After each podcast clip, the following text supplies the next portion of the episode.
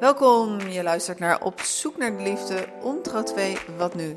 De podcast met 100% aandacht voor liefde, intimiteit, seksualiteit en jouw relatie. Mijn naam is Annette Burgers, ik ben relatietherapeute bij YouTube Coaching en stiefcoach bij Stiefgoed Den Haag West. Vandaag aflevering 107 alweer van de podcast Op zoek naar de liefde. En de vierde aflevering van mijn nieuwe serie Ontrouw 2, Wat Nu? In mijn eerste serie sprak ik met een aantal collega's professionals op relatiegebied over ontrouw en vooral ook hoe je het kunt voorkomen. Deze serie is nog steeds te beluisteren via mijn website youtubecoaching.nl podcast. Vandaag echter aandacht voor Maria. Maria was getrouwd, was niet gelukkig in haar huwelijk en ontmoette een man. Zo eerlijk als zij is, ging zij het gesprek aan met haar echtgenoot. En wat bleek? Hij had al geruime tijd zelf een romantische affaire. Maria is op zoek naar zijn excuus, naar zijn begrip, naar de bevestiging dat hij het begrijpt dat dit haar enorm veel verdriet gedaan heeft. En dit stukje, op zoek gaan naar die bevestiging, is zo herkenbaar bij velen. Het is namelijk nodig om verder te komen in je verwerkingsproces. Het zou prioriteit moeten hebben en dat heeft het lang niet altijd. Bij deze serie hoort ook een e-book over je leven weer op de rit na ontrouw. Je kunt hem bestellen en aanvragen. Gratis e-book via mijn website www.youtubecoaching.nl e-books. Wil jij jouw verhaal eventueel anoniem met mij delen? Neem dan contact met me op. Mijn doel is het onderwerp uit de taboesfeer halen en mensen in dezelfde situatie te helpen, helpen door onze verhalen te delen. En aan de reacties te zien merk ik dat het werkt. Ga naar www.youtubecoaching.nl en YouTube schrijf je met J-U-T-T-U.nl en vraag vandaag nog het e-book aan en maak zelf stappen, zodat ook jij weer jezelf aan kunt kijken in de spiegel.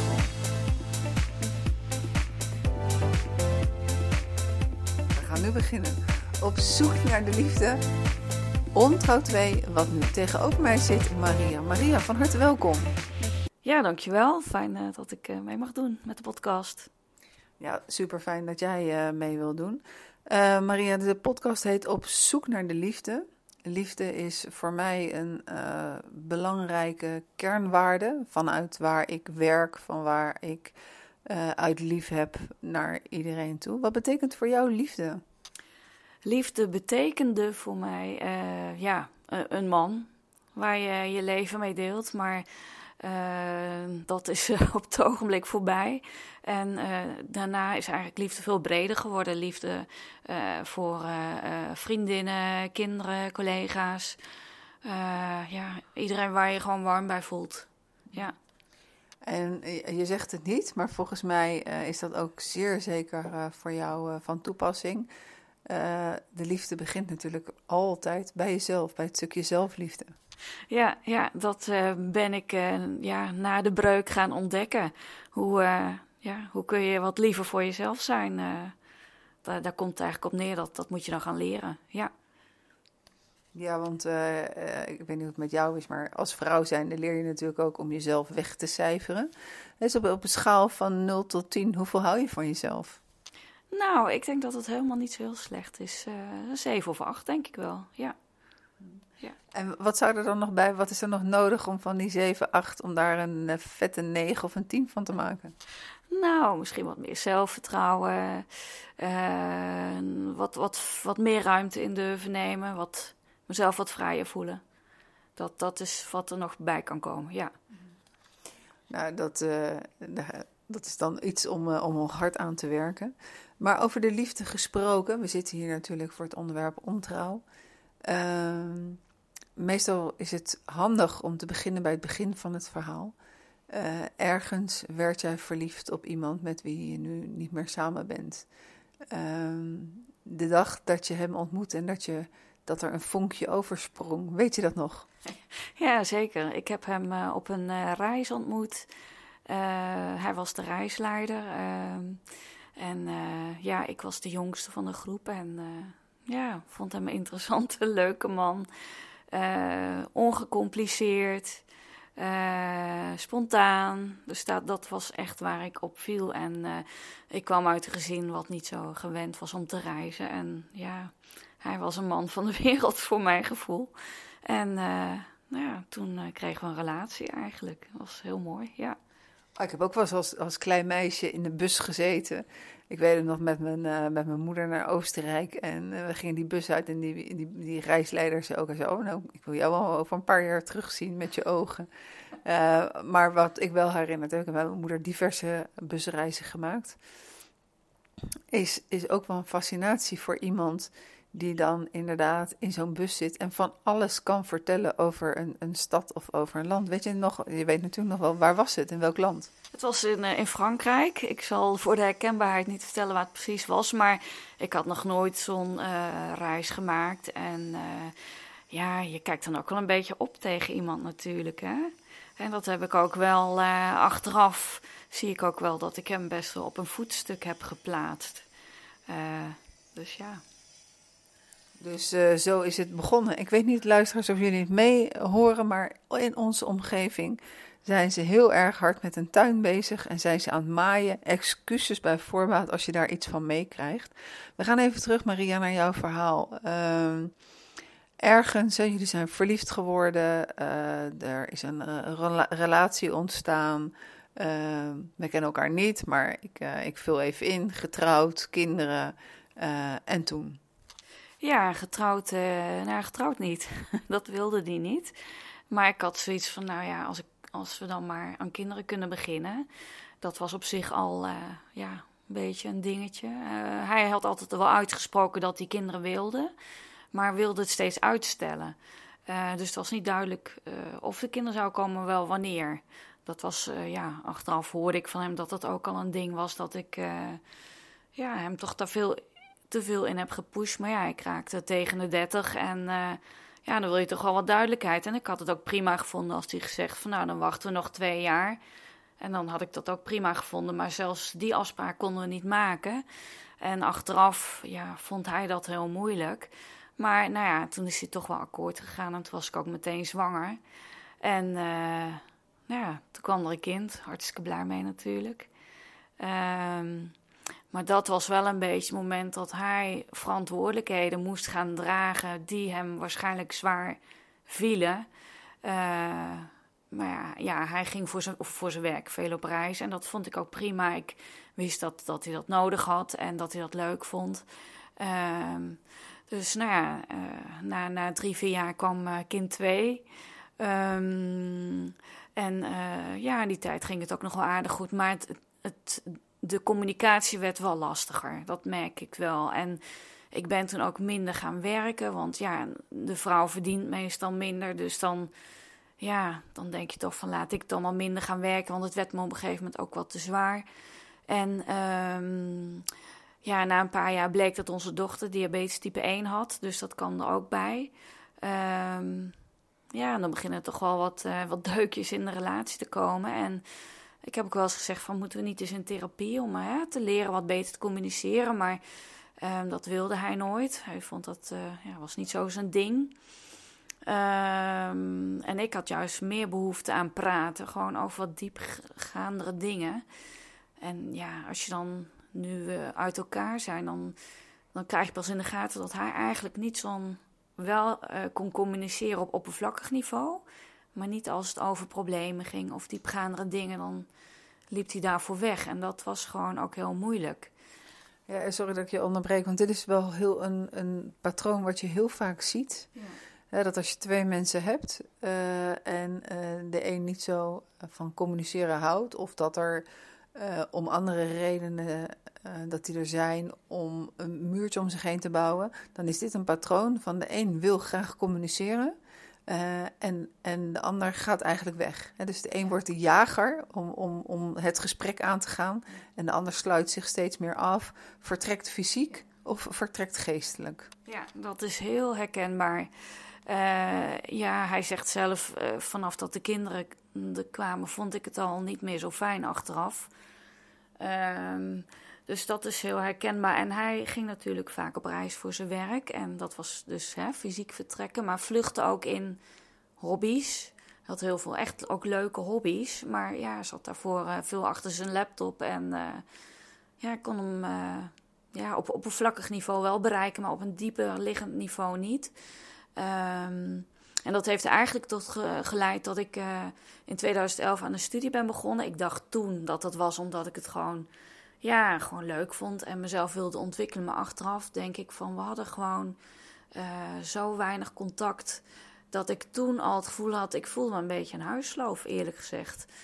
Uh, en ja, toen ik aan die studie ben begonnen, toen was er meer evenwicht. Maar tussen ons was het natuurlijk nog steeds niet goed. En uh, nou ja, daar kwam later nog mantelzorg voor mijn ouders bij. Dat, die ja, die woonden nog bij elkaar. Uh, de een met een lichamelijke aandoening, de ander met dementie. En dat kaartenhuis stortte ook uh, rond 2012 in elkaar. Dus toen zat ik met een studie, uh, met een kind wat extra zorg nodig had. Man vaak op reis, nog werken. Later stage, dus toen...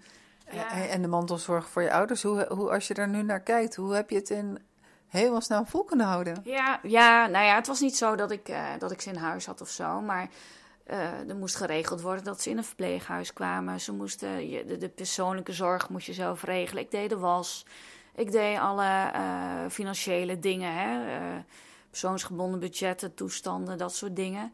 Um, en achteraf denk ik ook wel eens, ja, hoe heb ik dat allemaal nog gered? Het was wel zo, want ik kreeg ook een hele moeilijke periode op mijn werk... Waar, waarbij we eigenlijk ja, met een aantal collega's min of meer... ja, waarbij ze heel hard hebben gewerkt om ons weg te krijgen, laat ik het zo netjes zeggen. Het was ook een hele moeilijke periode, maar daar kreeg ik ook van mijn partner geen ondersteuning in.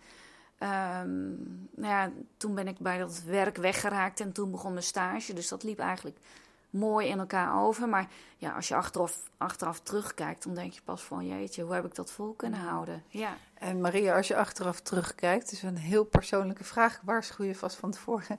Uh, maar hoe, hoe kijk je dan ook naar dit stukje? Want je geeft aan de communicatie. Maar hoe was het met de intimiteit en de seksualiteit? Ja, dat was heel gering. Gewoon, uh, we hadden bijna niks, nooit seks met elkaar. En uh, ja, ik had daar ook weinig behoefte meer aan, uh, eerlijk gezegd. Want ik had ook altijd zoiets van: ja, als je overdag geen arm om mij heen kunt slaan en overdag mij aandacht kunt geven, dan heb ik er s'avonds ook geen zin in. Dat is eigenlijk, ja, was toch wel een beetje mijn idee. Ik hoor dat heel veel bij vrouwen. Wij, wij vrouwen hebben dan toch uh, het stukje contact, connectie uh, nodig uh, verbinding nodig om je lichamelijk te kunnen geven. Voor mannen is dat soms anders, uh, vaak anders, maar er zijn ook altijd mannen die net zo zijn, daarin die uh, wat meer vrouwelijke genen hebben en die dat op dezelfde manier ervaren. uiteindelijk krijg je daardoor nog meer verwijdering van elkaar. Ja, ja dat klopt wel. Er was in bed gewoon weinig intimiteit meer, maar overdag ook niet. En uh, nou ja, dat heeft een beetje zo doorgesukkeld, zeg maar. Want ik dacht op een gegeven moment ook van ja, er is met iedereen, in elke relatie is er wel wat.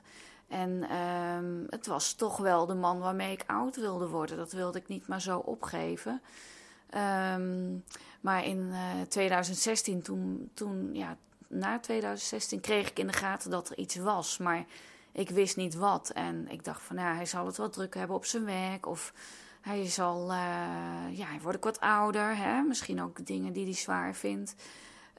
Um, en ook wel een paar keer aangekaart. Maar ja, dan, dan gaf ik wel aan wat mijn behoeften waren. Hè? Meer intimiteit. Of ik zei van, hou me nou eens even een keer gewoon echt lekker vast.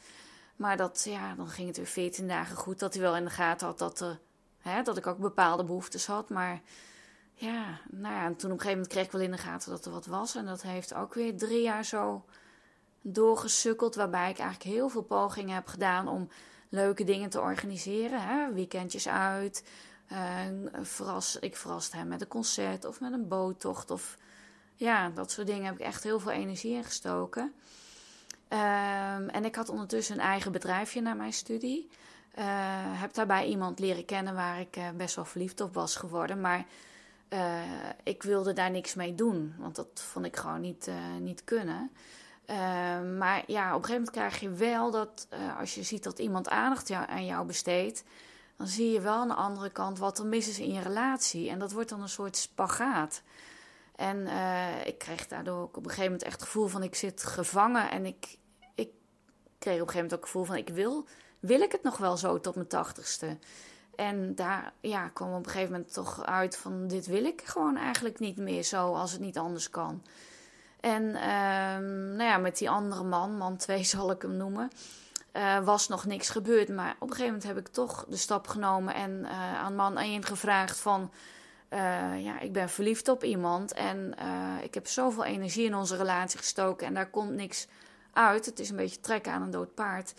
Vind jij het goed dat ik die man ga ontmoeten? Meer een beetje zo van ja, dan moeten we iets, maar iets met een open relatie doen. En uh, nou ja, dat heeft een paar dagen geduurd. En toen uh, heb ik maar eens gevraagd van, goh, wat is jouw reactie? En toen zei hij van, ja, kan je niet vastbinden. Uh, hij zei wel van, ja, besef dat je je op een hellend vlak gaat bevinden. Um, maar toen heb ik toch die andere man een appje gestuurd van, nou ja, je hebt altijd veel aandacht aan mij besteed. Uh, ja, wat is voor jou, uh, wat zijn jouw gevoelens daarbij? En toen hebben we elkaar een paar dagen later ontmoet. En uh, nou ja, toen hebben we een wandeling gemaakt en dat was gewoon heel fijn. Wat, wat, wat dapper allemaal. Je hebt in een paar dagen tijd toen een, een grootse beslissing ja. genomen. Je bent het gesprek aangegaan met je echtgenoot, slash man 1 voor het verhaal. Uh, en daarna heb je de, de stoute schoenen aangetrokken. Even kijken wat voor schoenen je vandaag aan hebt. Zijn dat stoute schoenen? Ik weet niet, maar heb je de stoute schoenen aangetrokken om, uh, om op, op man 2 af te gaan? Ja. Terwijl je natuurlijk helemaal niet wist uh, wat hij voelde. Ja. Nou ja, ik had hem al voor mijn werk een aantal malen meegemaakt. En had wel het gevoel dat hij, en daar we ook, ook wel eens over gehad gewoon vrijblijvend dat hij wel heel erg behoefte had aan intimiteit. Hij miste intimiteit met een, en dan niet eens seks of zo, maar gewoon lekker naast elkaar op de bank zitten, televisie kijken, hè, zo. En uh, toen heb ik inderdaad stoute schoenen aangetrokken, want het was gewoon een proces van een half jaar waarin ik toch dacht van, uh, ja, dan groei je er naartoe van, van dit wil ik zo niet meer. Ik wil zo niet samen oud worden. Maar helemaal kan, kan je nog, kan je nog herinneren dat er echt van wat je zegt, hè, je groeit daar een half jaar naartoe. Ja. En wat is dan het moment dat je tot actie overgaat? Kan je dat herinneren dat je bij jezelf dacht van, ja, maar nu? Ja, dat, ik weet niet precies meer wat dat moment was, maar wel het idee van ik gun mezelf ook liefde. Ik, ik hoef nu geen uh, genoegen te nemen met wat hij mij biedt. Uh, dat, dat was echt het moment, dat ontzettend grote verlangen naar liefde. Ja, ja. Nou ja, en toen hebben we elkaar uh, twee weken een paar keer gezien. En uh, daarna zouden we, uh, man 1 en ik en onze dochter op vakantie gaan. En nou ja, ik wilde natuurlijk met man 2 nu en dan bellen. Maar mijn dochter wist nergens van, maar dat voelde helemaal niet goed. Dus toen heb ik, we waren op zaterdagochtend in Frankrijk gearriveerd. En toen heb ik op zondagochtend tegen man 1 verteld: van ik wil het tegen de kinderen vertellen. Ik wil helemaal open kaart spelen. En en toen kwam hij met zijn verhaal dat hij al drie jaar een relatie had. Um, Tijdens de vakantie als een bommetje. Ja, dat was een bommetje, maar ik was op dat moment heel erg verliefd op man 2. Um, dus ik was eigenlijk meer verbaasd dan verdrietig op dat moment. Um, nou ja, toen heeft hij meteen en ander verteld toen we nog in bed lagen s ochtends. En uh, hij wilde eigenlijk nog twee weken het uitstellen om het aan de kinderen te vertellen, maar ik kon dat niet. Ik, uh, ik kon het echt niet. En onze zoon was nog in Nederland. Die hebben via Skype uh, erbij gehaald. En toen hebben we smiddags de kinderen alles verteld. En man 1 en ik hebben ook helemaal niet meer gesproken over of er nog mogelijkheid was om onze relatie nog te redden. Want ik was, ja, het was voor mij ook gewoon klaar. Het, uh, ik denk dat ik ook wel zoiets had van, ja, zo, ik, ik, dat ik hem ook beter had leren kennen in dat halve jaar. Um, dus ik wilde het ook niet meer, nee. Uh, Maria, uh, wat gaf hij voor een, want drie jaar een, uh, een dubbele agenda is, ja, dat, dat, daar pleeg je een hoop roofbouw op je, op je eigen leven, op je, op je bestaan. Die dubbele agenda die kost gewoon ontzettend veel, veel energie, hè, kan ik zeggen, uit ervaring. Ehm, en dan is drie jaar is echt wel een lange tijd. Wat was, uh, heeft hij toen aan kunnen geven waarom hij drie jaar toch in, in, in die situatie is, is gebleven en een gezinsleven te hebben en de relatie met die andere dame? Ja, nou, um, hij kan niet goed communiceren. Dus we hebben wel wat gesprekken daarover gehad, maar daar kwam heel weinig uit. Um, en ik heb ook wel later uh, contact met zijn nieuwe partner gehad. En nou ja, dan ga je alle puzzelstukjes bij elkaar leggen. En de conclusie die ik heb getrokken is dat hij voor de kinderen gewoon niet uh, wilde dat zij aan een scheiding zeg maar, werden blootgesteld.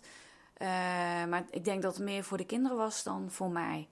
Um, en uh, nou ja, hij, op een gegeven moment had hij toch het gevoel kennelijk dat hij met de billen bloot moest toen ik met die andere man kwam.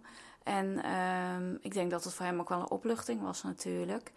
En, uh, maar hij heeft het gewoon uh, voor de kinderen, denk ik. Dat was het, het, belangrijkste argument voor hem, denk ik. En, en volgens mij heeft hij ook een keer gezegd: Ik dacht dat ik een dubbel leven kon leiden. Later dacht ik: van, Heb ik dat nou goed gehoord? Maar ehm, ja, dat, ja, en hij heeft het ook twee keer uitgemaakt met zijn nieuwe partner. Maar ja, ik weet ook niet op het moment dat het allemaal aan het licht kwam. Toen was het volgens mij wel uit. Uh, maar toen heeft hij daarna ook gelijk wel contact met haar gezocht. Want ik zag hem ook appen en zo. Dus, uh, uh, en, en de andere partner was ook iemand die in een relatie zat waarschijnlijk? Die zat in een relatie. En, maar die heeft dat... want die, zij hadden elkaar uh, in uh, mei 2016 ongeveer leren kennen bij een reis waar zij samen aanwezig waren. Um, en ja, als ik uh, ja, het verhaal mag geloven, dan is dat pas rond in het najaar, rond oktober, wat geworden. Was ook nog net nadat wij een feest hadden, omdat we 25 jaar bij elkaar waren. Dus. Um, wat was je vraag ook weer? Nou, of, uh, of zij ook in een relatie zat. Oh, ja, Omdat ja. Dat dan, dan, dan heb je wel evenwicht in, in zo'n geheime relatie. Als je allebei ja. een partner hebt, heeft de een een relatie met een minnares of al naar gelang. Als die geen relatie heeft, dan gaat hij natuurlijk eerder trekken van... Uh, joh, als je toch niet naar je zin hebt, kom dan naar me toe. Dus al een beetje daarnaar van hoe was dat? Ja, ja, zij, ik heb van haar gehoord dat zij op dat moment een relatie had waar ze zich al niet meer prettig in voelde. En zij heeft dat na die vakantie uitgemaakt. Um, ja, dus dat is, en toen zijn we ook nog met ons gezin naar Amerika geweest. Want uh, uh, man 1 wilde heel graag met het gezin een keer naar Amerika. Had hij ook helemaal zelf uitgedacht en zo. En dat was de grote reis van ons gezin. En ja, ik weet niet welk contact dat zij hebben gehad. Maar hij heeft me wel verteld dat het in het najaar dat ze een relatie hebben gekregen. Um, maar toen had zij al geen relatie meer. Dus dat, ja, dat maakt het voor hun natuurlijk wat makkelijker. Zij heeft ook geen kinderen. Um, dus ja, en toen, uh, toen heeft hij haar uh, vijf keer mee op reis genomen in de jaren daarna. Um, want hij moest voor zijn werk reizen ontwikkelen. En nam hij haar dan mee. Um, ja, wat ik natuurlijk niet wist. En ik hield thuis de boel draaiende. Ja, dat is voor mij natuurlijk ook wel een pijnpunt. Want door de aandoening van onze dochter moest ik s'nachts gewoon soms drie keer uit bed. Om de bloedsuiker te prikken. Ja, dan denk je ook van ja, wat zijn die twee daar samen aan het doen op reis? Uh, dus dat is ook wel een van de dingen die gewoon heel, voor mij heel pijnlijk uh, achteraf zijn. Mm -hmm. En uh, ja, mijn moeder is op dat, in die periode nog overleden. En toen was hij ook een weekend weg. Hij zegt achteraf dat hij toen echt voor zijn werk weg was. Um, ja, en ik was met afstuderen bezig. Ging ook niet heel erg makkelijk. Dus, en ik, ja, ik voelde gewoon dat er wat was met hem. Maar ja, dan vroeg ik wel wat er was, maar er kwam niks uit. Dus ja. Nee. Bijzonder is dat, hè? Dat je dan soms toch bijna zeker weet van ik, ik voel iets. Je kan niet je vinger erop leggen. Ja. En dat het dan later toch er, uh, eruit komt.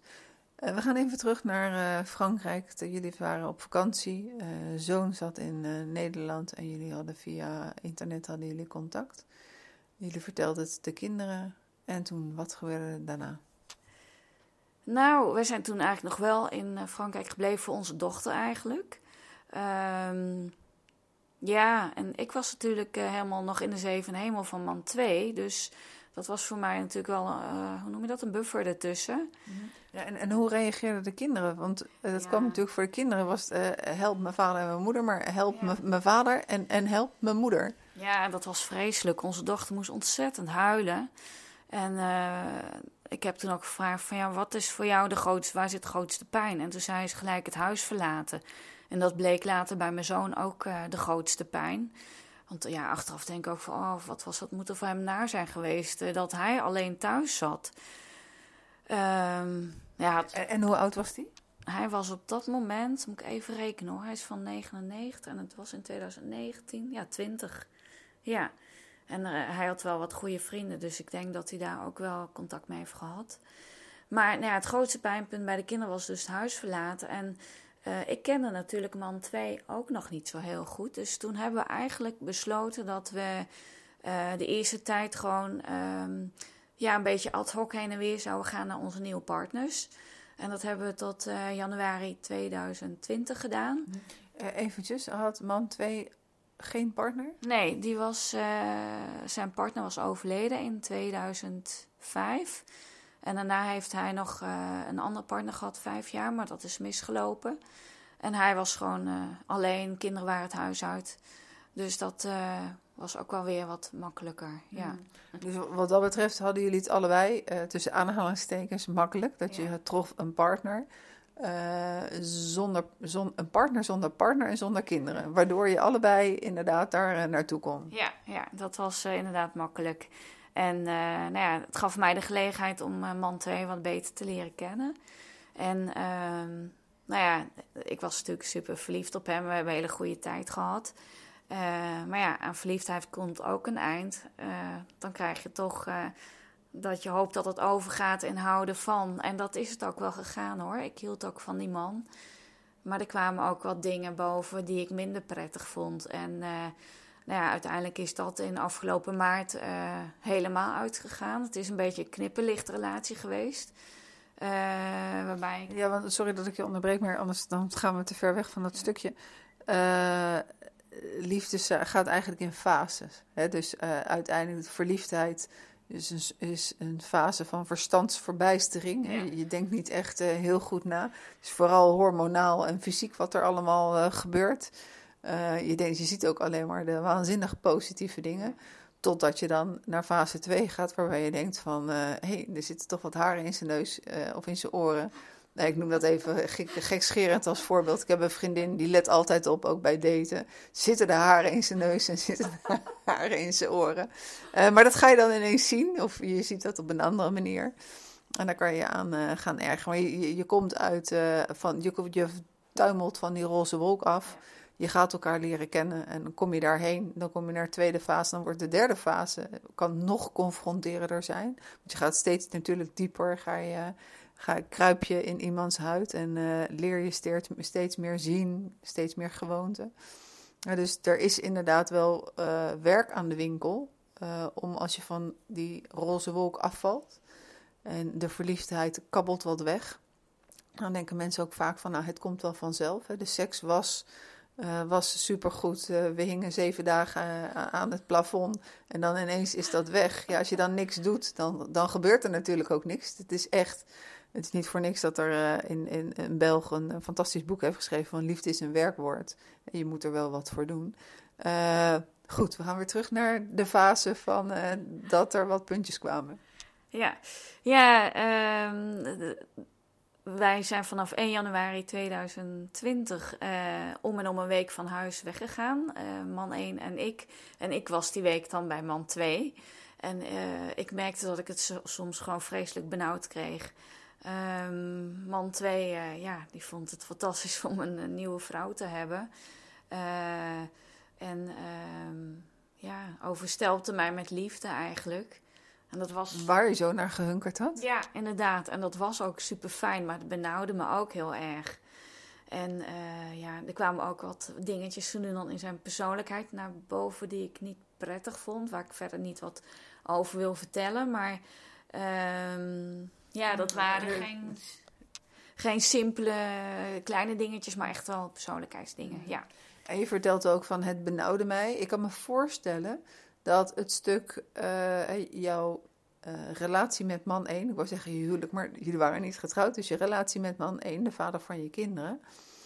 Uh, die man had waarschijnlijk een ontzettende behoefte aan vrijheid. Zo'n reizend leven kan ik me van alles bij voorstellen. Het gaf jou, los van de minpuntjes, dat je daar drie keer op een nacht alleen uit moest, gaf het jou natuurlijk ook al heel veel ruimte en heel veel vrijheid. maar je zegt ook van, nou ja, het, het benauwde mij. dan, dan het eerste woord dat in mij opkomt is dan een stukje bindingsangst. Ja, ik denk dat daar bij man 2 zeker sprake van was. Bindingsangst ook. En ja, je gaat later ook vanuit je jeugd kijken, hè, patronen en zo. Dus, ja, wat wat voor een voorbeeld heb je gezien bij je ouders? Wat, kijk, uh, het vak liefde wordt niet op school gegeven. Uh, mensen die meer podcasts van mij horen, die weten wel dat ik op een school werk en dat ik de eer heb om het vak persoonlijke vorming te mogen geven. Dus liefde, een stukje communicatie, dat krijgen de kinderen wel. Maar dat zijn uitzonderingen, want het is geen vak op school. Je leerschool is in feite uh, je, je thuis, je ouders. Wat is het voorbeeld geweest en wat geven zij het voorbeeld over, over de liefde en hoe met elkaar om te gaan? Uh, bij mij is het altijd zo bij een intake, uh, bij een, een, traject wat ik aanga met koppels, vraag ik ook altijd uh, naar een stukje verleden. En dan vraag ik, wat heb je gezien van je ouders over de liefde? En nou zijn wij, volgens mij ben jij een stuk jonger dan dat ik ben, maar in ieder geval van een generatie waarbij heel vaak ik ook wel terughoor. Maar ja, wat heb ik gezien over de liefde? Ja, eigenlijk niet zoveel. Dat was in die tijd, ik ben van 1964 Los van het feit dat mijn ouders supersnel gescheiden zijn toen ik vier was. Dus ik kan helemaal niks van intimiteit herinneren tussen mijn moeder en mijn vader. Uh, dus ik heb helemaal nooit een goed voorbeeld uh, gehad. Uh, maar wat voor een voorbeeld heb jij gehad? Nou, mijn ouders waren wel gek met elkaar. Dat, dat was niet zo'n probleem. Ik zag echt dat mijn vader echt heel gek met mijn moeder was. En andersom denk ik ook wel. Maar het probleem zat meer, denk ik, in. Uh, mijn vader was iemand die heel erg oordeelde en die mij niet de, mogelijkheid gaf om mijn eigen identiteit te ontwikkelen. Die was heel sturend, uh, kon ik heel boos worden. Uh, en daardoor ben ik, denk ik, toch wat verkeerde patronen gaan ontwikkelen om ja, daarin ja, een beetje je weg te vinden in je jeugd. Te overleven? Te overleven, ja. En, um, en ik zie nu ook wel dat ik uh, dat in de relatie ook heb meegenomen. Gewoon proberen het gezin draaiende houden, je baan, alles maar draaiende houden. Uh, en toch uh, ja, wat te weinig van je afpraten, denk ik. Ja. Mm-hmm. En je, je gaf al aan hè, dat uiteindelijk is het met meneer 2 is de relatie beëindigd in, in maart. We zitten nu in augustus, uh, bijna september. Ik weet niet wanneer uh, dit gepubliceerd wordt, maar het duurt niet al te lang meer. Uh, hoe heb je nu, want je, ik kan me voorstellen dat je ergens in een rollercoaster kwam en een nieuwe ontdekking. Hoe, hoe gaat dit verwerkingsproces? Heb je überhaupt uh, het, het beëindigen van de relatie met man 1, heb je dat kunnen verwerken en een plekje kunnen geven? Ja, ja dat, uh, dat kwam pas eigenlijk helemaal aan de orde na maart van dit jaar, nadat de relatie met man 2 uh, eh, uitging. Hoewel ik ook al wel daarvoor ook al wel steeds meer boos werd op man 1. Maar toen ben ik echt wel een beetje in het diepe terechtgekomen. En, maar dat, dat was wel goed.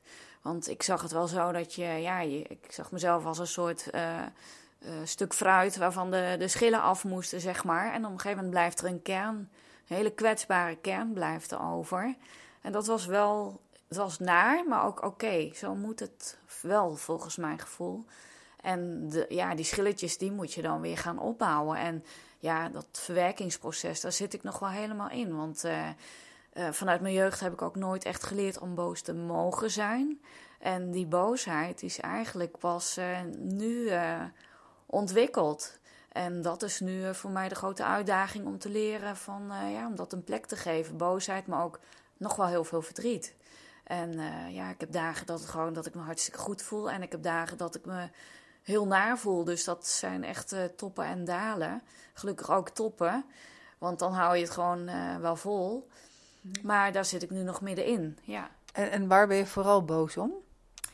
Nou, toch wel, uh, ja, je voelt je gewoon als oud vel behandeld. Uh, ik, ik vind het heel, het pleit voor man 1 dat hij heel erg aan de kinderen heeft gedacht. Maar ik, ik heb een beetje het idee dat hij mij daarbij is vergeten. En uh, ja, je vraagt je gewoon af van, was ik voor jou zo weinig waard dat je mij zo hebt behandeld? En dat, dat is wel het grote pijnpunt, ja. En ehm, daaronder zit natuurlijk het verdriet. Ja, tuurlijk, daar zit heel veel verdriet onder. En het is, het is een, gewoon een rouwproces eigenlijk. Een, een rouwproces waar je doorheen moet. En uh, ja, we zijn ook al bezig. Ik heb dat boek over uh, de schipaanpak, hè, waar je ook... Uh, heb ik zelf gelezen, mijn ex-partner heeft gelezen. En hij begreep toen ook dat voor mij die fases allemaal veel later kwamen. Want hij had natuurlijk in gedachten al lang afscheid van mij genomen. En dat begint nu pas bij mij. En uh, kijk, waarom... Ja, hij liep drie jaar voor. Ja, hij liep drie jaar voor. En uh, um, ik heb hem ook wel verteld van ja, ik hoop dat je begrijpt dat nu het met man 2 uit is, dat het nu pas bij mij binnenkomt. En we hadden ook best, uh, man 1 en ik konden nog best goed met elkaar door één deur. Maar dat is nu al slechter geworden, omdat ik gewoon zo ontzettend boos ben. En uh, niet bereid ben om met hem uh, over koetjes en kalfjes luchtig, op een luchtige manier te praten. Uh, alsof er niks aan de hand is, want dat is wat hij graag wil. Gewoon maar doorgaan alsof er niks aan de hand is, maar dat kan ik gewoon niet. Wat heb je van hem nodig, Maria? Nou, ik heb hem op advies van een therapeut voorgesteld om toch nog een keer om de tafel te gaan zitten, ook met zijn nieuwe partner erbij. Ehm, eh, ik weet niet of je het tv-programma kent waarbij daar een slachtoffer uh, tegenover elkaar zitten. Nou wil ik mezelf geen slachtoffer noemen, maar dat je elkaar recht in de ogen kijkt en dat ik, ik wil zien wat mijn verdriet met hun doet. En uh, nou ja, hij wilde dat wel met een deskundige erbij, dat vond ik prima. Uh, maar zij wilde dat niet. Dan moet ik erbij vertellen dat zij een, een hele traject van een ernstige ziekte achter de rug heeft nu waar zij van het, aan het herstellen is. Dus vanuit haar perspectief snap ik het wel. Maar ja, ik heb zoiets van ja, ik zit ook in een herstelproces en heb eigenlijk geen zin om te wachten totdat jij eraan toe bent. Dus ik heb gezegd van nou, nu wil ik het niet alleen met man 1. Um, ehm, maar dat, dat geeft al heel veel verwijdering nu. Ja. Maar wat ik nodig heb is gewoon dat ik in hun ogen zie dat het hun ook wat doet. Dat, ja, het emotioneert mij, maar als ik dat zou kunnen zien, dat zou voor mij al heel veel goed maken. Ja. Ja, ik, ik herken het. In, uh, uh, ik ben onlangs uh, nog steeds vers getrouwd geweest en weer gescheiden. waarbij ontrouw geen rol speelde. maar waar er wel uiteindelijk gebeurtenissen waren. En ik herinner me nog heel duidelijk dat ik nog niet zo lang geleden ook gezegd heb van nou, het zou mij ontzettend helpen als je je verantwoordelijkheid zou nemen uh, en je excuus zou aanbieden voor dat en dat stukje. Dan kan ik helen en dan kan ik ermee verder. Dat is wat je bedoelt, denk ik ook. Hè? Ja, dat bedoel ik inderdaad. En hij heeft al wel eens een keer sorry gezegd. Maar ik wil het gewoon nog een keer horen. Ik wil gewoon het ook in zijn ogen zien. Want we waren toen aan het wandelen. Ik wil hem in de ogen kunnen zien. Of hij het echt meent. En of hij ook voelt ik vraag me achteraf ook af van ja, hoe empathisch was man 1 nou eigenlijk? Wat, welk geweten had hij? En dat, maar ik wil het in hun ogen, de ogen van hun allebei zien. En uh, mijn uh, man 1 zegt steeds van ja, ik neem de verantwoording op me. Dat doet hij wel. Um, maar ik vind uh, de nieuwe partner ook voor 50% verantwoordelijk. En naar de kinderen toe. Mijn kinderen praten ook allebei niet makkelijk. Uh, mijn dochter loopt nu bij een psycholoog. Wil ook niet met mij ergens over praten. Maar ik zie dat zij heel veel verdriet heeft. Hoewel op, op oppervlakkig niveau gaat het goed. Maar uh, mijn ex uh, of haar vader neemt ook niet de verantwoording om eens een keer aan haar te vragen: hoe gaat het met jou? En ik denk als hij alles zou zeggen van: Goh, ik vind het zo naar voor jou wat er is gebeurd. Dan opent dat voor haar hè, dan geeft haar het de mogelijkheid om ook te gaan praten, omdat zij zo moeilijk praat. En hij heeft nu wel gezegd dat hij wel, want ik heb gezegd tegen hem dat ik zorgen, mij zorgen over haar maak. Nu heeft hij wel gezegd dat zij met z'n tweeën wel met haar willen gaan praten Van goh, hoe gaat het met je? Ehm, wat is er aan de hand? Wat kunnen wij doen? Dus dat vind ik wel heel positief. Ehm, waarbij ik ook hoop dat zij ook gewoon ook wel een deel van de schuld op zich willen nemen. Dat ze niet bij haar neerleggen van jij hebt een probleem. Uh, en kom er maar mee voor de dag. Maar dat ze ook, ja, ook hun deel uh, op zich nemen. Dat ze niet alleen bij haar leggen. Ja, ja dat ze er uh, ingaan vanuit de volwassen ego, vanuit de volwassen positie van dit is ons deel, dit is onze verantwoordelijkheid en dit hebben wij niet goed gedaan. Dus overigens een van uh, de moeilijkste dingen in de communicatie om echt een goed excuus te maken, wat van hart tot hart binnenkomt. Hè. Dus uh, wat jij zegt, hè, hij heeft al een keer sorry gezegd. Heel herkenbaar, ik zie het ook heel vaak uh, in, ook in mijn praktijk voorbij komen, dat mannen of vrouwen zeggen, ja, ik heb al honderd keer sorry gezegd. Maar hij komt niet aan. Dan zeg ik ook altijd, ja, dan heb je waarschijnlijk honderd keer nog niet echt ten diepste. Op de juiste wijze uh, met alles wat er in je zit, het sorry gezegd. Dus dat betekent dat je toch teruggestuurd wordt naar de tekentafel, in feite, om te kijken, ja, hoe kan je sorry zeggen dat hij wel binnenkomt? Want dat ligt niet aan de ander dat het niet binnenkomt. Het ligt aan uh, de zender in feite van hoe formuleer je het. Kan je het vanuit je hart zeggen? Als je het vanuit je hart zegt, dan heb je natuurlijk toch nog wel de ontvanger nodig. Maar het is wel heel moeilijk om een goed sorry te zeggen. Maar het is in ieder geval een stap hè, dat ze verantwoordelijkheid willen pakken naar je dochter toe. En hoe is het nu met je zoon? Um, ja, mijn zoon is, is een vrij flexibel uh, man ondertussen. Um, heeft een goed sociaal leven. En hij, ik zeg, ik zeg, ook wel eens, hoe gaat het met jou rond die scheiding? En hij zegt, mam, ik, eh, ik red me wel, je hoeft je geen zorgen te maken. Maar ik weet verder ook niet wat er in dat hoofd speelt. Ik zie wel dat hij het verder gewoon hartstikke goed doet.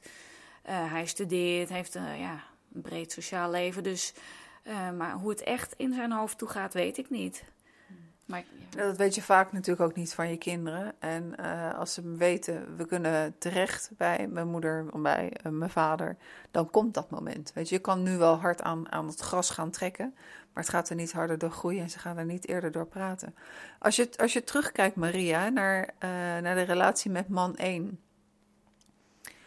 Wat zijn dan de dingen die jij eruit mee hebt genomen waarvan je zegt van, ja, dit is een levensles die ik uh, bij me draag en uh, wat, wat een soort van mantra wordt. Of wat, wat, wat een soort van, ja, dit is een les die ik nooit meer ga, ga vergeten. Ja, nou dan kan ik het vanuit mijn kant bekijken en vanuit zijn kant. Uh, vanuit mijn kant, uh, ja, dat ik toch gewoon meer moet kijken en communiceren wat ik wil. Daar ben ik nu heel hard mee bezig om dat te leren. Maar ook uh, Kijk, als ik een nieuwe partner ontmoet, dan zal ik heel erg opletten of iemand op zichzelf kan reflecteren, want dat kan man 1 niet. Uh, en of iemand open is over zijn gevoel, want ik heb nooit bij het gevoel van man 1 gekund. Uh, dat is iets waar ik heel erg op zal gaan letten. Ja. Hmm. En in eerste instantie in die verliefdheid, uh, toen was je natuurlijk ook nog wat jonger. En dan sta je er niet zo bij stil. Hè? Dus, dus in, met alle ervaringen opgeteld word je hoe ouder, hoe wijzer. Dat is echt zo, wat, je, wat je altijd hoort. dus dit zijn twee belangrijke dingen. En in ieder geval een, soort van check van als je iemand ontmoet, uh, is het, kan die reflecteren op zichzelf en kan die over zijn gevoelens praten. Ja, dat, dat vind ik belangrijke dingen. Maar ook heeft hij een eigen leven. man 2 had, ja, leunde voor mijn gevoel heel erg op mij. Uh, werkte ook al niet meer. Um, en dat benauwde mij ook wel erg. Dus uh, ja, zoals ik het nu voorstel, als ik een keer weer iemand ontmoet, dan zou het zo moeten zijn dat je allebei gewoon een vol eigen leven hebt. En dat je elkaar uh, twee of drie keer in de maand ziet of zo. En dat je het fijn hebt met elkaar. Maar dat je wel allebei volwassen personen bent en dat je een volwassen relatie aan kunt gaan. En dat geldt ook voor mijzelf. Dat ik ook gewoon uh, kan communiceren wat ik uh, wil, wat ik nodig heb. Uh, dat, ik, dat ik moet zelf ook leren om compleet volwassen te zijn en een volwassen relatie aan te kunnen gaan. Ja. Nou, dat laatste stukje klinkt heel erg goed. Ik denk dat twee uh, wat zei je, twee, drie, vier keer in de maand. Nee, twee keer in de maand. Wat zei je nou? Twee keer in de maand. Drie keer. Twee keer, drie keer in de maand elkaar zien. Dat dat wel heel weinig is. als je elkaar heel erg leuk vindt. dat vind ik, uh, uit ervaring kan ik dat zeggen. Dat is wel heel erg weinig. Uh, maar in ieder geval, je boodschap is ehm, dat het van belang is dat iemand een eigen leven heeft. En dat jij daarbij ook nog de vrijheid behoudt en uh, de zelfstandigheid om je eigen ding te doen. Ja, ja, ik hoorde ook, want ik luister heel van een podcast, dat um, uh, mensen kunnen het zo voelen dat je of vrij bent zonder relatie of niet vrij in een relatie. Maar ik hoop dat het ooit lukt om vrij in een relatie te kunnen zijn. En ja, ik denk dat ik gewoon ook nog wel wat bindingsangstig ben. En daar komt die twee of drie keer in de maand waarschijnlijk ook vandaan. Dus ja. Ja, dat, dat, dat snap ik. En uh, die bindingsangst, denk je dat die voortkomt uit nu deze twee ervaringen of komt het ergens anders vandaan? Ja, ik denk dat het ook al vanuit mijn jeugd uh, voortkomt. Bang om mijn identiteit in een relatie te verliezen. Uh, hè, met de relatie met mijn vader. Maar misschien ook wel door uh, wat er is gebeurd met man 1. Ja, dat je het gewoon ja, inderdaad bang bent om je vrijheid en je identiteit te verliezen. Dus dat vind ik wel een, een moeilijk ding, ja. En als je ook, ook terugkijkt, hè, Maria, en je kijkt naar het stukje uh, van nou, uh, een, een, kantelmoment, hè, zoals ik het beluister en als ik naar jou hoor, denk ik van nou, met dank aan jouw eerlijkheid en op het moment van, nou, je ontmoette iemand, je ging eerst ging je dat verhaal thuis vertellen um, voordat je verder ging met man, man 2. Uh, dankzij dat moment heeft, jou, heeft, jou, heeft man 1 het uiteindelijk uh, zijn verhaal opgebiecht. Um, wat, is, wat is daaruit je les of je raad aan, aan anderen die in dezelfde situatie zitten? Want wat ik hoor en ook in de podcast die ik nu al heb opgenomen of die ik nog ga opnemen, maar al in gesprekken met, uh, met mensen daarover, is dat ik wel vaak hoor van, van spijt, van toen had ik eerlijk moeten zijn. Om bepaalde redenen ben ik dat niet geweest. Nou, jij bent wel heel eerlijk geweest. Uh, wat, wat, wat is je advies naar anderen die in een situatie zitten? Ja, um, kijk, verliefd worden, dat, dat wordt iedereen. Ik ben ook wel eens verliefd ge geworden en dat is ook niet erg. Um, maar uh, er komt een moment dat je iets wil gaan doen wat, uh, waarvan je denk ik zelf al weet van het is niet oké. En dan, ja, ik hoop dat, dat ik uh, door het meedoen aan deze podcast ook maar, als ik maar één iemand kan bewegen om meteen te gaan praten, meteen eerlijk te zijn, praten met je, met je, gewoon met je partner. Um, want ik zou dan, denk ik, als hij het meteen had verteld, hebben gezegd van ja, um, ik kan je niet. Uh, kijk, jij wordt verliefd op iemand en uh, gaat maar een half jaar uitvinden. Hè? En dat, dat we er samen over hadden kunnen praten, dan was het respectvol gebeurd. En dat had, denk ik, uh, naar mij toe en naar de kinderen toe heel veel leed kunnen besparen. Dus ik hoop heel erg dat mensen op het moment dat ze, dat ze ja, iets willen gaan doen wat in, bij, voor hun geweten misschien al uh, net een stap te ver is, dat ze dan denken van nee, ik moet, ik moet eerst met mijn partner gaan praten. Um, want dat wil niet zeggen dat je nieuwe liefde hoeft te verliezen. Hè? Maar het, het, uh, het is een chique manier om uit elkaar te gaan als je met een nieuwe liefde verder wilt. En om een heleboel leed besparen. Want het is natuurlijk. Um, uh, je gooit ook de toekomst misschien weg van je partner. Want ik weet ook niet of ik nu nog, wanneer ik weer aan een man toe zal zijn voor mezelf. Dat kan nog jaren duren. En natuurlijk wil ik niet dat de komende jaren dan weggegooid zijn. Ik probeer in mijn eentje gelukkig te zijn. Maar um, dat is toch zonde. Uh, hè? Want ik zou het liefst ook gewoon uh, snel weer, of snel, maar ja, gewoon weer een relatie willen, een arm om me heen. Maar ik voel dat ik daar gewoon, dat die stoel naast mij nog niet leeg is, om het maar zo te zeggen.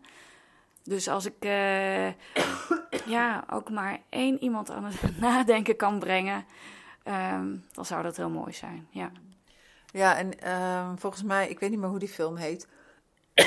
oh ja, Closer was het volgens mij in 2004 met Julia Roberts. En dat is een prachtige film waarbij ehm, nou, je, je hebt één koppel en eh, iemand wordt verliefd. Uiteindelijk uh, is er ook een momentje waarop gezegd wordt: ja, er is altijd een split second waarbij je of iets gaat doen met dat verliefde gevoel of niet. En het mooie is van het split second gevoel is dat je het je eigenlijk allemaal bewust bent dat dat moment er is, dat je over die grens gaat of niet over die grens gaat. En in een vorige podcast, uh, die ging in de serie met, uh, ging het over scheiden, sprak ik met Gideon de Haan. En Gideon de Haan vertelde over de afspraak die hij had, heeft met zijn vrouw. En hij zei, ja, we hebben een meldingsplicht. Op het moment dat je dat gevoel hebt van, ik voel dat ik uh, toegankelijk ben voor de aandacht van mijn collega, of dat ik toegankelijk voel uh, voor een meneer die ik in de supermarkt ontmoet en die net iets te vriendelijk uh, het gesprekje aan, uh, aangaat, dat dat stukje, dat gevoel, daar hebben we meldingsplicht over. Dan vertellen we dat thuis. Want dat betekent, als je toegankelijk bent, ontvankelijk voor die aandacht van buiten, dat je toch iets mist in je relatie. En dan heb je binnen de relatie heb je allebei evenveel kans om eraan te werken, wat er ook gebeurt. Maar dan sta je op, uh, op 0-0 of uh, in ieder geval is de eerlijkheid er, de uitnodiging voor de, met de ander te praten. En dan sta je niet drie jaar achter, waarbij iets al heeft plaatsgevonden zonder dat je daar iets van af weet. Dan kan ik niks anders dan zeggen dan dat het mij als muziek in de oren klinkt. Prachtig. Mhm. Meldingsplicht. Ik ga hem onthouden. ja, voor iedereen. Meldingsplicht uh, verzonnen, of tenminste niet verzonnen, maar bedacht in ieder geval door, uh, door Gideon de Haan. Um, en als je terugkijkt, je hebt uh, de lessen meegenomen, die zitten in je rugzak. Um, zijn er nog dingen waarvan je denkt van, ja, die heb ik goed kunnen bespreken met mensen om me heen, of die heb ik niet kunnen bespreken. Wat voor een hulp zou jij graag gehad hebben gaandeweg? Want heel vaak, uh, ik weet niet hoe het met jou en je vriendinnen zit. Ik weet niet hoe het met man 1 en zijn vrienden, of man 2 met zijn vrienden. Ik merk uh, dat er zijn een paar vriendinnen bij mij met wie ik echt alles kan bespreken. En toch alles, alles dan ook weer niet. Ben ik dan ook wel weer een beetje terughoudend in dat ik niet echt alles bespreek. Maar over het stukje uh, vreemdgaan, een affaire hebben, ontrouw, uh, geef het een naam. Een derde binnen de relatie halen. Uh, is het best ingewikkeld nog om, uh, om dat te bespreken. Hoe was dat voor jou? Nou, ik heb wel een aantal vriendinnen waarmee ik echt alles uh, kan bespreken. Maar dat, dat zijn ook vriendinnen die zelf ook een beetje in, uh, in die fase zitten van scheiden of een relatie uh, verbreken. Dus die hebben natuurlijk ook wat meer oor daarvoor. Maar sowieso, ja, kan ik het met vriendinnen bespreken. Maar je wilt het niet steeds in blijven hangen naar vriendinnen toe. dus ik heb nu ook wel weer hulp gezocht bij een therapeut om ja, dat je toch. Want uiteindelijk moet je het alleen doen. Uh, en een paar weken geleden voelde ik me toch daar wat eenzaam in. En dacht ik van ja, ik ga toch hulp zoeken. Dat je net iets meer ondersteuning hebt. Dat je verhaal nog ja, ja, kwijt kunt, zeg maar. Zonder dat je schuldig hoeft te voelen. Want bij vriendinnen ja, voel je op een gegeven moment misschien wel een beetje schuldig. Van oh, daar heb je er weer met. Uh, of daar heb ik mezelf weer met mijn verhaal. Uh, dus ik heb wel hulp gezocht om ja, mezelf wat sterker te maken. Mm -hmm. Ja. En als er iemand dan in jouw omgeving, een van je vriendinnen, die zou er nu ook mee komen, wat, wat, wat zou je dan daarin anders doen naar je vriendin toe? Nou ja, ik, ik, ik probeer altijd goed te luisteren eigenlijk. En verder, ja, verder moeten ze toch zelf de beslissingen nemen. Maar luisteren heb ik vanuit mijn studie altijd heel belangrijk gevonden. Dus ja, dat is wat ik dan probeer eigenlijk. En ik maak ze ook wel attent op podcasts die, uh, ja, waar ze wat aan kunnen hebben dat hoor ik ook wel terug dat ze er wat aan hebben. Uh, ja, dat is een beetje hoe ik ermee uh, omga. Ja, kijk, luisteren is, is niet zo makkelijk als, als, dat het, als dat het klinkt. Het is voor veel mensen heel lastig om te luisteren en dan om, ook nog dan om te begrijpen. Veel mensen in, in een gesprek wachten eigenlijk alleen maar vaak totdat de ander mond dicht houdt en dan om te overtuigen van, het, van een eigen verhaal. Ehm, maar wat, wat mooi in ieder geval, hè, dat, uh, dat jij je opstelt om te luisteren en dat jouw vriendinnen hè, tot op zekere hoogte daarin met jou mee zijn uh, kunnen gaan. Ik heb ook wel soms met vriendschappen is het zo ehm, dat het ook wel heel lastig is om elkaar de waarheid te zeggen of om iemand een spiegel voor te houden van ja, je moet ook wel kijken naar, naar dat stukje of op die manier. Heb jij dat niet ook met, met, is dat herkenbaar voor jou met vriendinnen? Nou, ik heb een vriendin die net een relatie heeft verbroken en ja, toen heb ik toch wel zachtjes geprobeerd om haar wat meer attent te maken op de wat minder leuke kanten van haar nieuwe partner. Want ik hoorde haar dingen zeggen maar ze realiseerde zichzelf nog niet zo dat, dat dat eigenlijk niet zulke aardige trekjes waren van die man. En daar heb ik haar wel, ik heb wel eens gevraagd van, goh, is hij nou eigenlijk wel echt zo aardig? Uh, want ik vind haar eigenlijk veel te lief. Uh, dus ja, daar heb ik wel geprobeerd dat heel subtiel uh, wel naar voren te brengen. Ja. Ja, het is altijd lastig, zeg maar. Ik weet niet of, of hoe dat voor jou is, maar voor mij, ik ben wel de afgelopen tijd door een heel bewust proces heen gegaan. Waarbij je met een scheiding ja, in eerste instantie heel erg in je emotie zit. Uh, ik zelf heel erg geholpen ben door mijn dochter, omdat ik daar dan toevallig twee maanden in huis was. en die zei: Ja, je moet elke keer aan bepaalde dingen denken, waardoor ze me eigenlijk geholpen heeft terug in mijn hoofd. en dat je dan vanuit, zo, zo werkt het dan bij mij, dat ik dan vanuit mijn hoofd weer naar mijn gevoel ging, maar met een ander gevoel dan dat ik vanuit mijn gevoel naar mijn gevoel ging. Ik weet niet of ik nog te begrijpen ben. Ik snap denk ik wel wat je bedoelt, uh, want uit je emotie zou ik het liefst gewoon tien dozen eieren willen kopen en s'nachts tegen de auto van man heen gooien, bij wijze van spreken. Maar dat doe je natuurlijk niet. Maar het is wel uh, heel lastig om gewoon netjes te blijven communiceren. En uh, ja, ik, ik, ik scheld niet in mijn appjes, maar ik wil best wel. Uh, ik maak wel eens scherpe opmerkingen waarvan ik denk van nou, ik weet niet of dat nou zo handig was, maar je kan het ook niet helemaal voorkomen na wat er is gebeurd, denk ik. Um, maar ja, op praktisch, als je pra praktische dingen, als het daarover gaat, dan uh, zijn we wel on speaking terms. Maar qua gevoel heb ik het nu een beetje afgesloten. Zo van, nou, ik uh, ga over op plan B en ik probeer het zelf allemaal te verwerken. Want uh, ja, dat, daar verwacht ik niks meer van, van die kant. Misschien over een paar jaar dat het weer beter gaat. Maar, en dat vind ik wel jammer hoor. Ik had het gewoon super fijn gevonden als we met z'n drieën om de tafel hadden kunnen zitten en met een doos tissues bewijs van spreken ertussen. En dat ik bij hun emotie had gezien. En dat voelt dan voor mij als erkenning. Mhm. dat, dat is wat ik echt nodig heb. Maar dat ga ik niet krijgen. Dus ja, dan uh, moet ik het zelf gaan oplossen. Ja, inderdaad. Hè. Het is goed uh, omschreven met het stuk erkenning. Uh, en die boosheid. iemand heeft me ook wel eens verteld dat hij in zijn eentje naar een rivier ging. Het was donker en het was avonds. En die heeft uh, alle boosheid eruit geschild op zijn allerhardst. Trouwens, er is nog iemand geweest die dat verteld heeft. Uh, zekere Monique, ook ergens in een podcast over scheiden. Uh, daar zijn zelfs therapieën voor, omdat je het er echt uitschreeuwt, van top tot teen. Zo hard schreeuw je het dan, dat het, echt, dat het er letterlijk uit is. Uh, en verder zijn natuurlijk ook allemaal rituelen nog. En je had het ook over de schipaanpak. Uh, ook daar wordt gebruik gemaakt van een ritueel om het huwelijk uh, of de relatie, de partnerrelatie in ieder geval, uh, af te ronden. Dus dit, het klinkt wel heel positief dat hij dat boek wel ook gelezen heeft. Dus wie weet. gedeeltelijk. gedeeltelijk. wie weet komt dat ooit nog wel. Maria, we gaan naar, het, naar de afronding toe. Sowieso dank je wel voor het delen van, van jouw verhaal. Is, is er nog een, uh, een, een, een antwoord dat je zou willen geven of iets zou willen vertellen op een vraag die ik je nog niet gesteld heb?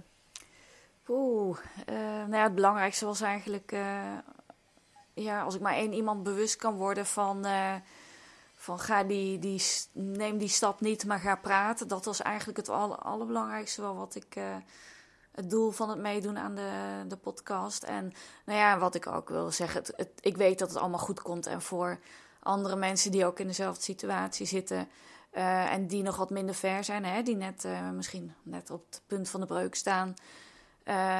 je kan veel meer dan je denkt. En ik bedoel, ik heb ook weer een fijne woning, ik heb een fijne baan, relatie met mijn kinderen is goed, ik heb een vriendenkring. Ik ben best trots op mezelf eigenlijk, hoe ver ik nu ben gekomen. En ik heb het vaak nogal moeilijk, maar ik heb ook momenten dat ik, ja, het is nog echt heel erg top en dalen.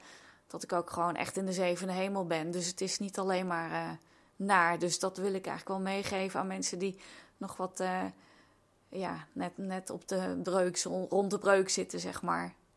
Ja. ja, ik zit natuurlijk tegenover je. De luisteraar hoort het alleen maar. Maar ik zie zeker je ogen glimmen. Ook een emotie erin. Dat wel, het is een mooie mengeling een foto zou kunnen maken, dan zou ik hem zeker uh, mooi maken. Uh, super dankjewel en super dankjewel voor de bijdrage. Want uh, wat jouw missie is, is mijn missie ook. Daarom maak ik deze, deze podcast. Om het onderwerp bespreekbaar te maken. Uh, vooral ook binnen relaties. Zodat er betere beslissingen gemaakt kunnen worden. En de communicatielijntjes open zijn en dat we daar in Nederland op een andere manier, Nederland, misschien ook wel België, op een andere, betere manier mee om kunnen gaan. Dus uh, dankjewel Maria. Ja, heel graag gedaan en uh, jij bedankt. Nou, dan uh, was dit de aflevering met Maria en over twee weken is er weer een Op zoek naar de liefde, Ontrouw 2, wat nu. Dankjewel voor het luisteren.